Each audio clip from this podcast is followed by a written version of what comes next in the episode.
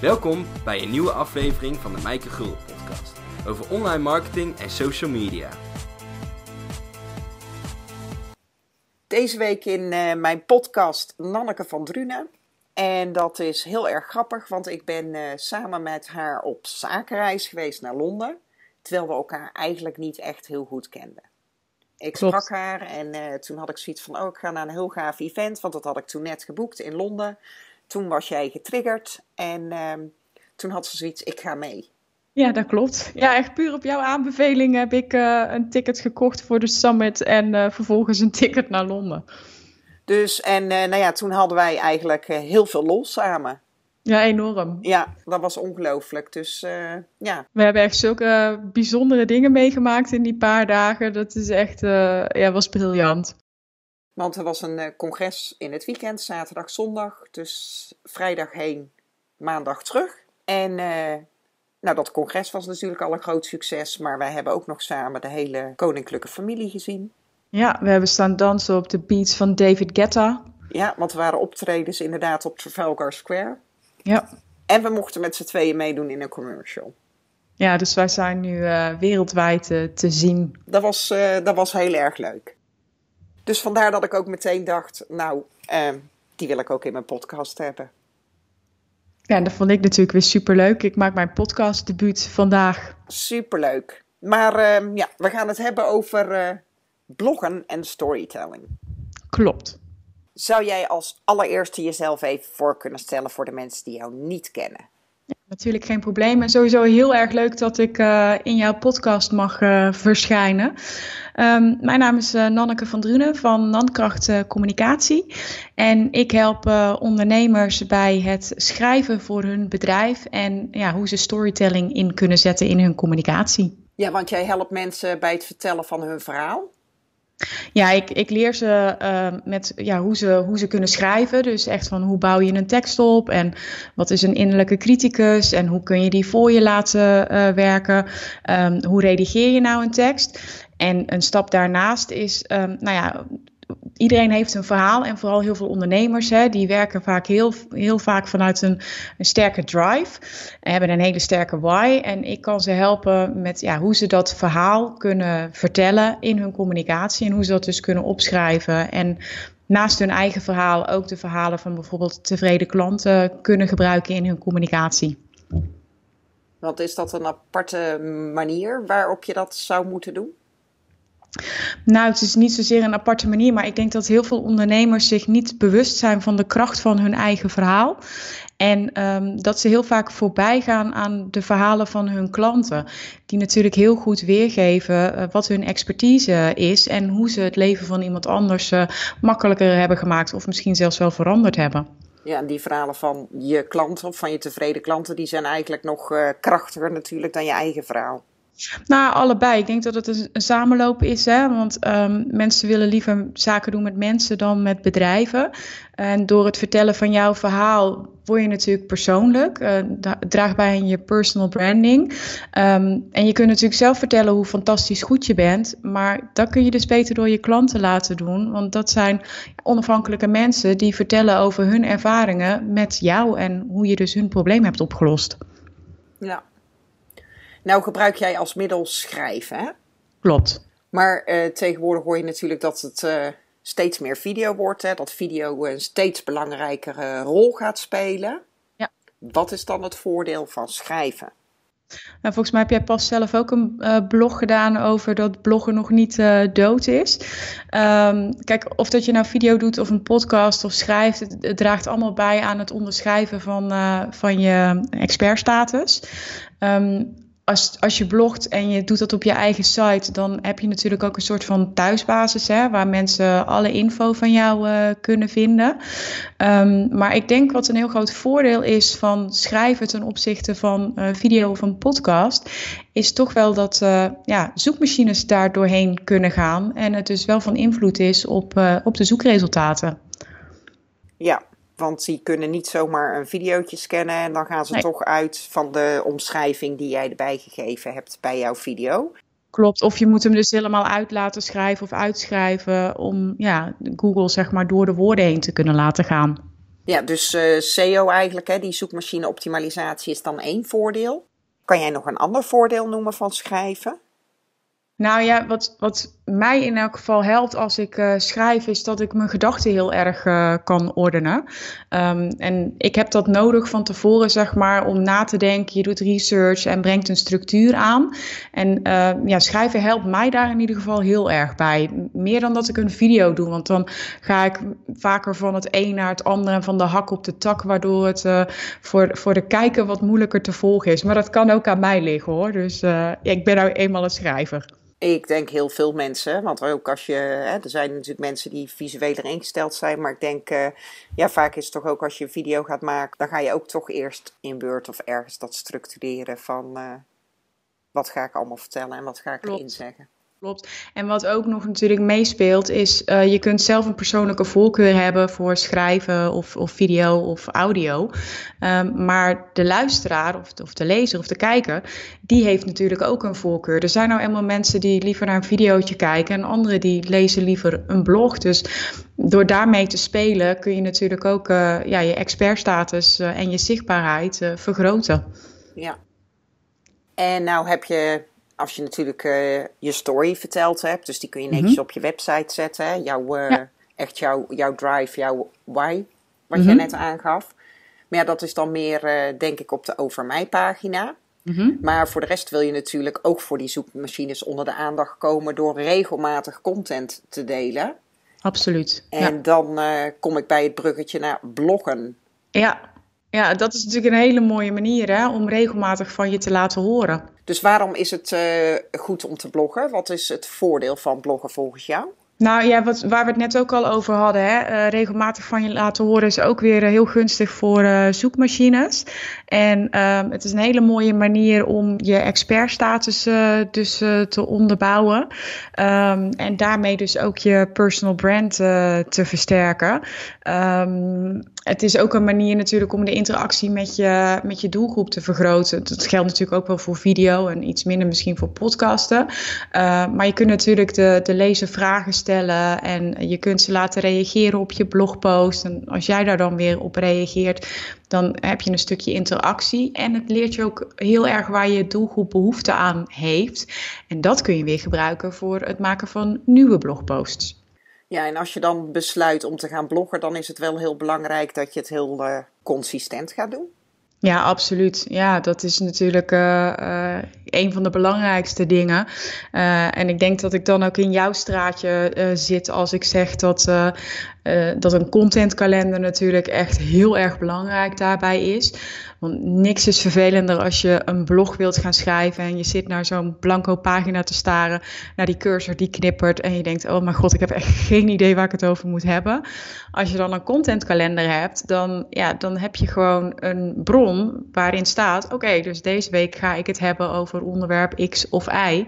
En dan weet je in ieder geval al uh, ja, waarover je iets op papier gaat zetten. En hoe maak jij zo'n contentkalender? Wat gebruik jij daarvoor? Uh, ik gebruik zelf een uh, Excel-bestand. En daarin zet ik uh, de datum, dus het weeknummer en de datum. En dan plaats ik het onderwerp. Dus wordt het bijvoorbeeld een, een behind the scenes of wordt het echt een inhoudelijke blog. daar zet ik ook in wat de call to action is. Dus wat ik wil dat wat de lezer gaat doen als ze de blog gelezen hebben. En daarachter zet ik neer op, op welke socials ik het ga delen. En nou zeg jij uh, dat jij in je contentkalender ook al die call to action uh, zet. Hè? Dat jij mm -hmm. zegt van nou, het is bijvoorbeeld een, een behind the scenes. Ja. Dat betekent dan ook dat jij uh, bepaalde doelen bepaalt eerst voor jouw blogs? Um, ja, wat, wat heel goed is als je van tevoren een blog gaat schrijven, is ook uh, bedenken wat je doel gaat zijn van je blog. Uh, dus er zijn verschillende doelen die je, uh, die je kunt nastreven. Um, dat kan bijvoorbeeld het inspireren zijn, maar het kan ook zijn dat je de lezer iets wilt leren. Het kan ook puur vermaak zijn. Hè? Dus bijvoorbeeld zo'n kijkje achter de schermen, dus echt van hoe ziet mijn kantoor eruit. Ja, daar, daar leert iemand misschien niet veel van, maar dat is wel een stukje vermaak en ze leren jou een beetje beter uh, zeg maar, kennen. Um, en uh, het kan bijvoorbeeld ook zijn dat je een community wilt bouwen. En dan ga je dus weer meer op dat saamhorigheidsgevoel uh, zitten. En gebruik jij al die doelen door elkaar? Of is het eigenlijk de bedoeling dat je één doel kiest?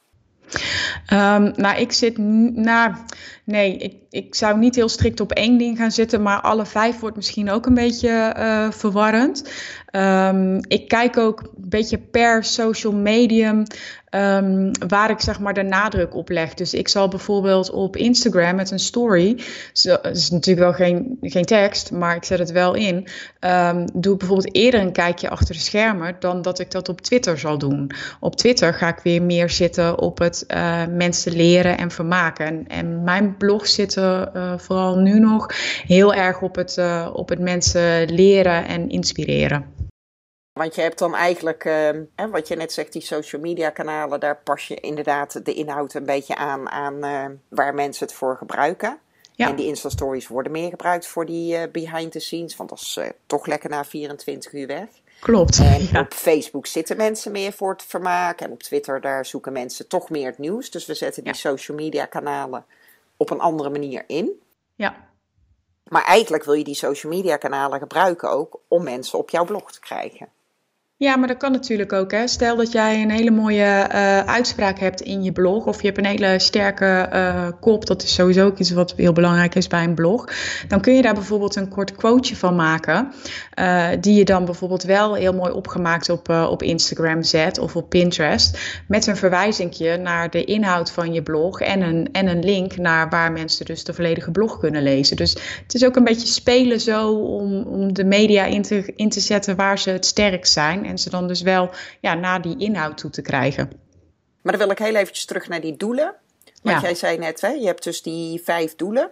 Mm -hmm. Mensen inspireren, hen iets leren. Um, vermaken, kijken schermen of een community bouwen. Ja, maar daar kies je dan een paar doelen uit die bij jou passen. En daar ga je dan met name op focussen in je blogs. Ja, klopt. Tenminste, zo werk ik. En dat is ook zoiets, zo leer jij dat ook aan je klanten. Ja, kijk, want het is natuurlijk ook, um, als je alles gaat doen, dan kan het ook een beetje too much worden. Maar ik denk dat het ook is van, nou ja, de, wat past ook bij je en wat past ook bij het medium. Kijk, als jij zegt van, ik ga nooit op, op Instagram zitten, dan kan het bijvoorbeeld zijn dat jij uh, het lastiger vindt om een kijkje achter de schermen te geven. Dat is natuurlijk ook lastiger in woorden te vangen dan dat het bijvoorbeeld in beelden te vangen is. Dus dan kan het best zijn dat je, ja, dat je daardoor ook je keuzes binnen die vijf doelen um, ja, afwisselt of um, ja, ervoor kiest. Dus jouw aanbeveling is dat je er twee of drie uitpikt? Ja, waar je, ja, precies waar je je met name op focust en af en toe een uitstapje maken, dat is, uh, dat is helemaal geen probleem. Zeker niet als het, uh, het, het middel het toelaat.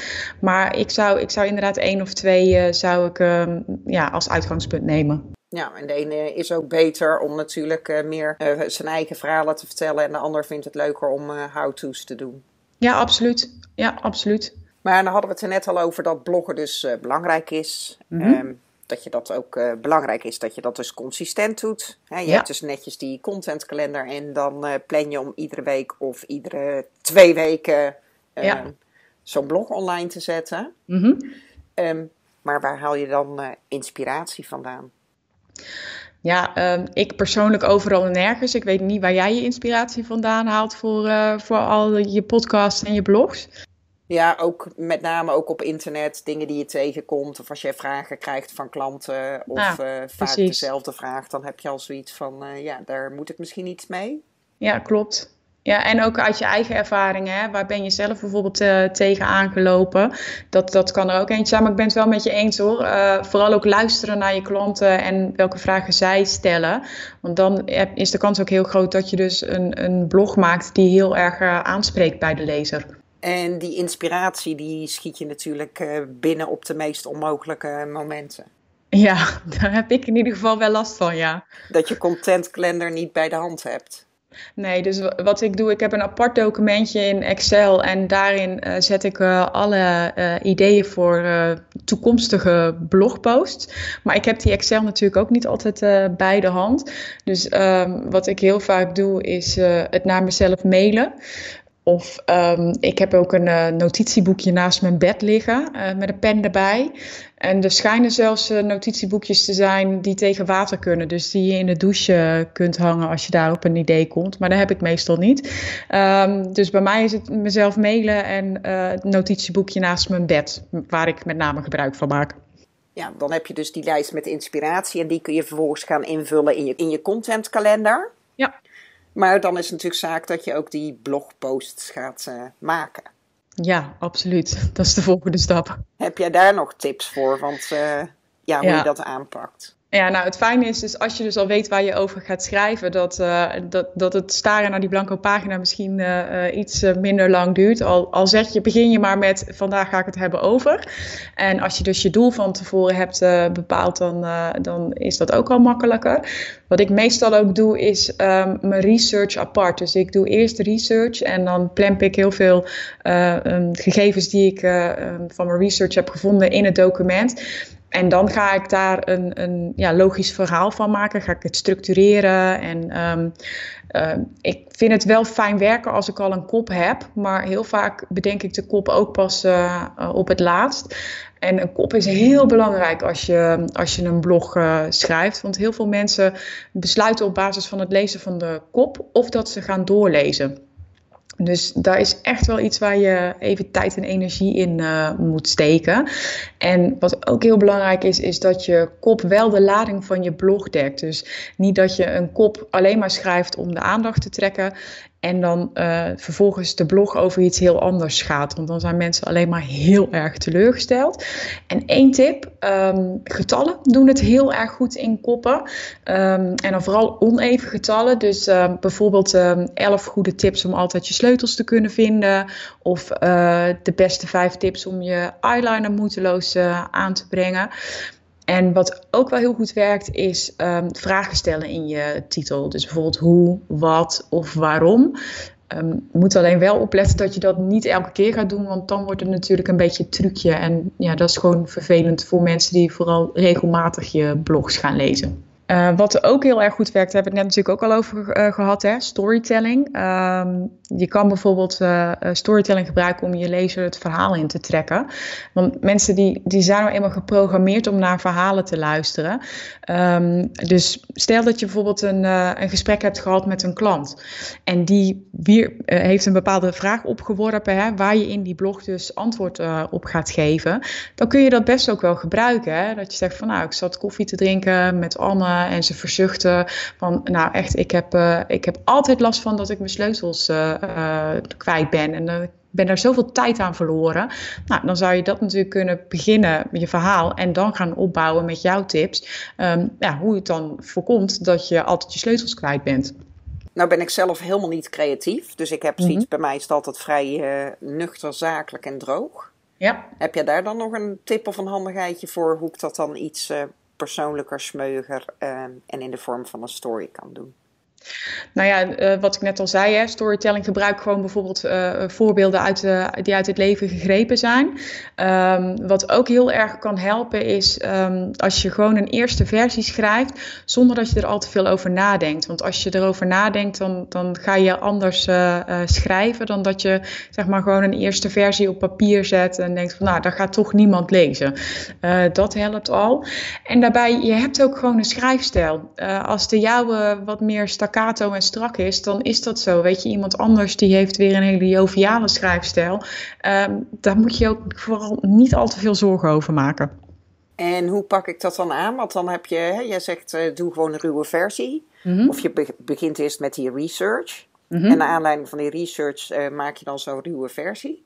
Ja. Dat knal je dan gewoon uh, op papier of in een Word-documentje. Ja. Wat is daar nog voorkeur voor? Van kan je dat beter echt, uh, want soms zeggen ze dingen kan je beter opschrijven in plaats van digitaal. Klopt, dat is, dat is wel met creatief schrijven. Dan je spreekt een ander deel in je brein aan als je met de hand schrijft. Maar om nou hele blogs met de hand te gaan schrijven. ik schrijf best veel nog met de hand. maar blogs die zet ik ook gewoon meteen in Word. Um, dus dat, dat zou ik doen. En als je je eerste versie hebt geschreven, leg hem dan ook eventjes weg. Gewoon eerste versie schrijven, wegleggen. Dan als je het er weer bij pakt, dan kijk je ook met een hele frisse blik naar je, naar je eigen tekst. Terwijl als je er maar op doorgaat en op doorgaat en op doorgaat, ja, dan, dan raak je op een gegeven moment gewoon verloren in je eigen tekst. En dan, dan kun je iets simpels als een, als een spelfout of een typfout, die zie je gewoon niet meer. Terwijl als je hem even weglegt en dan weer erbij pakt, ja, dan kijk je heel anders naar je eigen tekst. En wat bedoel jij met eventjes? Een uur, een dag, een week? Nou, dat, dat ligt eraan. Ehm, bij grotere projecten dan, dan zou ik wel echt een paar dagen adviseren. Als ik uh, een uh, tekst schrijf, dan probeer ik minimaal een dag ertussen te laten zitten. En als het echt niet anders lukt qua deadline of qua planning, uh, ja, dan inderdaad minimaal toch wel een uur dat je er en dan ook echt iets anders even gaan doen. Dat je echt even helemaal loskomt van je tekst. Hoe ga je dan vervolgens te werk? Want ja, als je dan een tikkeltje perfectionistisch bent, dan denk je het is niet goed en ik ga het weer helemaal opnieuw uh, schrijven. Hoe, hoe kan je de structuur inbrengen dan van die ruwe versie uh, naar ook dat echte blogartikel? Nou, als het goed is, heb je natuurlijk wel van tevoren al nagedacht over een, een beetje structuur die je in je tekst wil gaan uh, aanbrengen. Dus dan, uh, wat ik bijvoorbeeld dan doe, is kijken van uh, zijn er dingen die, die elkaar raken.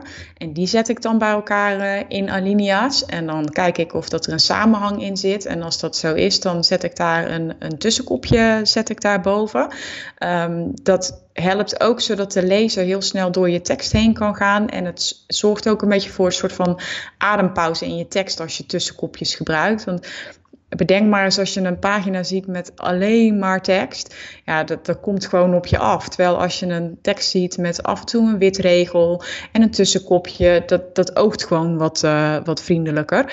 Dus kijk gewoon naar dingen die zeg maar samenhang hebben en zet die samen in een alinea en cluster het zo. En uh, meestal zet je dus aan het eind van je tekst, zet je de call to action. En dat is dus een regel waarin je zegt wat je wilt dat de lezer doet. Uh, dus dat is bijvoorbeeld uh, like mijn Facebook pagina of download het gratis e-book of nou wat dan ook. Sommige mensen zetten ook nog wel eens een call to action bijvoorbeeld ergens in het midden van de tekst. Um, kan, maar ik zou wel voorzichtig zijn met te veel call to actions. Dus ik zou er één misschien twee doen per blog. Maar mijn advies is eigenlijk één en dan het liefst aan het eind van je blog. Ja, ik ben ook. Nou, tussendoor kan ook nog. doe ik zelf ook wel eens. Hè. Als ik dan een checklistje ja. heb. Ja, precies. Dan doe ik hem aan het einde en ook nog een keer tussendoor. Ik denk als mensen ja. niet helemaal tot het einde komen. Maar inderdaad, ja. als jij te veel acties van mensen gaat vragen, dan gaan ze juist helemaal geen actie meer nemen. Precies, dan overvraag je ze. Ja, dus focus op één ding. Ja, absoluut. Ja. Dus dan ga je het structureren, dan heb je die tussenkopjes, dan heb je aan het einde heb je een call to action. Nou heb je vroeger geleerd van uh, begin altijd met zo'n introductie, zo'n kop, uh, middenstuk, staart. Ja. Is dat ook iets wat je aan moet houden? Hè? Zijn er nog specifieke dingen voor je introductie bijvoorbeeld? Um, ja, er zijn twee, er zijn twee vormen. Je, wat jij net zegt is een beetje rond uh, schrijven. Je kan ook schrijven vanuit de omgekeerde piramide, zoals ze dat dan noemen. En dan begin je eigenlijk met het allerbelangrijkste wat je wilt zeggen uh, in de eerste alinea. En dan bouw je zeg maar naar onderaf, wordt de informatie eigenlijk steeds minder belangrijk. Dus stel dat, uh, dat je een blog hebt en iemand komt niet tot de laatste alinea. Ja, dan heeft hij in ieder geval niet heel veel uh, actie gemist of info. het enige wat je dan dus wel kan missen is, is je call to action. Daarom zet je die in het midden. Precies, daar, daarom kan het een voordeel zijn als je voor die vorm kiest. dat je dus wel een call to action in het midden en aan het eind zet. En de andere vorm is dus gewoon uh, ja, de opbouw die jij eigenlijk noemde. En dan leid je de lezer eigenlijk van A tot en met Z, waarbij die automatisch uitkomt bij je call to action. Is er nog een voorkeur voor bepaalde stijlen? Weet jij daar iets van? Nou, nee. De, ik denk dat het ook een beetje aan, je, aan jezelf ligt en wellicht ook aan het medium. Kijk, als het een heel uh, snel medium is, dan kan ik me voorstellen dat de omgekeerde piramide de voorkeur heeft. Um, omdat mensen dan in ieder geval de belangrijkste info mee hebben gekregen. Dat zie je bijvoorbeeld ook heel veel in, in kranten gebeuren. Hè? Dat als je de kop en, en de intro hebt gelezen, um, dan heb je in principe alle info die je nodig hebt. En dan is alle, alle info die in de alinea's daaronder staat, is eigenlijk aanvullend op wat je in het begin al hebt gelezen. Oké. Okay. En dan heb ik dus zeg maar, uh, dan weet ik mijn introductie, dan weet ik mijn slot, dan heb ik dus nog ook een, een tekst in het midden. Mm -hmm. Heb jij daar nog bepaalde tips of handigheidjes voor? Of... Nee, ja, wat, ik, wat, ik, wat, we, wat we net ook al zeiden, zorg gewoon dat je van tevoren weet uh, wat je over wilt brengen aan de lezer. En cluster dan zoveel mogelijk uh, de info bij elkaar. En het voordeel ook van als je, als je je tekst even weglegt en daarna weer bijpakt, dan zie je ook sneller of dat je bijvoorbeeld dingen dubbel in de tekst hebt staan. Nou, die haal je er dan natuurlijk uit, want je hoeft het maar één keer uh, te vertellen. Dus, dus dat is ook een, een, een tip, hè, van leg het weg en, en lees dan echt met verse ogen nog een keer. En um, dan haal je, je kunt bijvoorbeeld ook een aparte ronde nog doen met um, kijken of dat je spelfouten en typfouten hebt gemaakt. Want als je dat, kijk, ik, ik schrijf al twintig uh, jaar teksten, dus ik weet inmiddels hoe ik dat moet doen. Maar als je nieuw bent in het redigeren, dan, dan zijn er zoveel elementen waar je naar moet kijken. Dat je ook kunt zeggen van ik knip het op. Hè. Dus je kijkt de eerste keer kijk ik alleen naar de structuur. Van heb ik de informatie logisch zeg maar bij elkaar geclusterd. En dan kan je bijvoorbeeld een ronde daarna kan je kijken um, of dat je nergens typfouten hebt gemaakt. Dan kan de ronde daarna kan spelfouten zijn.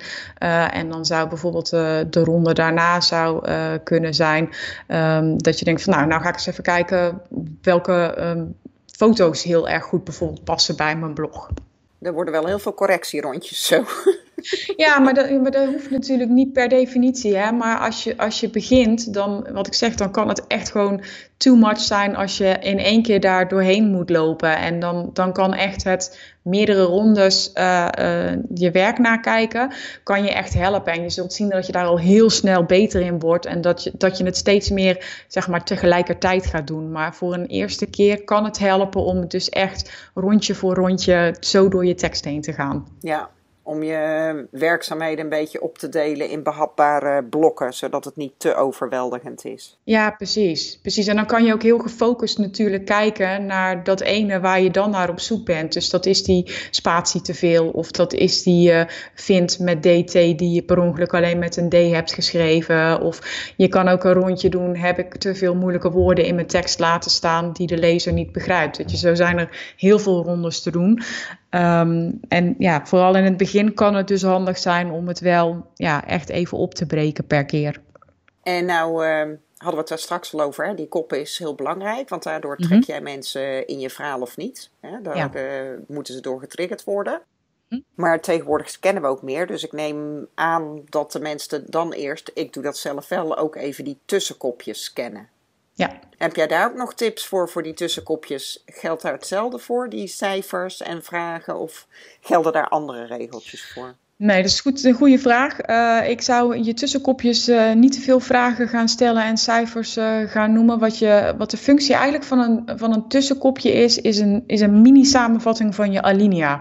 Dus die is meestal ook maar één tot nou, maximaal vier woorden gemiddeld dat je tussenkopjes zeg maar gebruikt. Dus dan is bijvoorbeeld dat je zegt van voeg beeldmateriaal toe. Dat, dat zou een tussenkopje kunnen zijn als je het hebt over, uh, over een blog en uh, je wilt de mensen laten weten dat ze beeldmateriaal moeten toevoegen aan, aan hun blog. Oké. Okay. Dan hebben wij denk ik alle facetten van zo'n blog um, besproken. Mm -hmm. He, hoe je dat uh, plant, aanpakt, hoe je dan te werk gaat en hoe je het structureert. Ja. Zijn er nog dingen die wij uh, niet besproken hebben en die nog wel aardig zijn om te vermelden? Ja, wat denk ik wel een hele belangrijke is, maar dat, dat, dat zal uh, jij herkennen ook. Um, als je gaat bloggen, bedenk dan dat het niet om jou draait. Uh, het gaat om jouw klant en welk probleem van de klant jij kunt oplossen met de content die jij biedt uh, aan de klant op dat moment. Ik denk dat dat heel belangrijk is, maar dat dat eigenlijk geldt voor alle content die jij op internet of waar dan ook deelt. Ja, precies. En wat ook natuurlijk nog wel een belangrijke is, is um, vertel vooral ook iedereen dat je aan het bloggen bent. Hè? Want uh, dat is ook nog zoiets. Uh, ik hoor wel eens mensen die zeggen, ja, niemand leest mijn blog. Ja, en dan vertellen ze dus ook niet uh, op hun socials dat ze een nieuwe blog hebben gepost of zo. En dat is natuurlijk zonde van al je werk. Dus vertel vooral tegen iedereen dat je iets nieuws hebt gepost. Wat we net ook al zeiden, speel een beetje met je social media en verwijs mensen ook, ook naar je blogpost. Want welke kanalen zet jij zelf in om je nieuwe blogpost onder de aandacht te brengen? Um, ik uh, post hem op uh, uh, LinkedIn en Facebook en Twitter. En ik um, doe meestal ook nog wel een post op Instagram. En ik ben nu een beetje aan het, uh, aan het pielen op uh, Pinterest. Um, maar ja, daar ben ik alles behalve consistent. Dus dat is natuurlijk niet goed. Maar ja, dat is dan zoiets waarvan ik denk, oh, toch eens even kijken hoe dat werkt en, en of het werkt. Ja. En jij zelf? Um, ja, ik probeer ook zoveel mogelijk kanalen, want ik zet hem ook op Google+. Plus. Mm En niet dat ik daar kijk of er reacties komen, maar dat is puur oh, voor dat de... heb ik trouwens ook. Volgens mij gebeurt dat automatisch als ik, als, als ik hem post. Ja, puur voor de zoekmachine resultaten. Ja, ja, ja, die was ik inderdaad even vergeten. En je nieuwsbrief? Of dat ik hem daarin opneem, bedoel je? Ja, of, dat, of jouw nieuwsbrief, of dat ook de basis zeg maar is, de, het blog wat je online zet, dat je aan, uh, naar aanleiding daarvan een nieuwsbrief stuurt naar je klanten, of dat dat uh, daar los van staat? Uh, nee, meestal deel ik inderdaad mijn nieuwste blog ook uh, in, in nieuwsbriefvorm met, uh, met de mensen die op mijn e-maillijst staan. Ja. ja, dat doen de meesten. Je zet eerst ja. vaak je blog online en dan ga je aan de hand daarvan weer een mailing maken. Ja, precies. Ja. Nou, ik denk toch weer een hele hoop handige tips. Mm -hmm. En jij had ook nog een leuke weggever. Ja, dat klopt. Ik heb uh, een uh, hele handige cheat sheet gemaakt die je dus kunt gebruiken bij het schrijven van, uh, van je blog.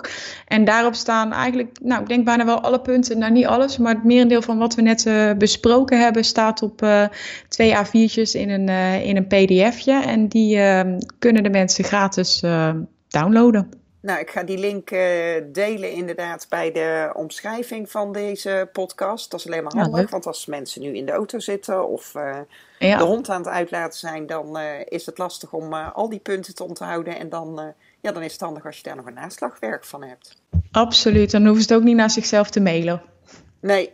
En als mensen nog meer over jou willen weten, Nanneke, waar kunnen ze dan het beste kijken? Dan kunnen ze het beste naar mijn website toe gaan en dat is uh, www.nankracht.nl en dan nankracht met de n van Nico slash Nanneke. Uh, dus nankracht.nl, dat is mijn hub, zoals uh, ze dat zeggen. En daar deel jij dus allerlei waardevolle artikelen over beter schrijven en je storytellen.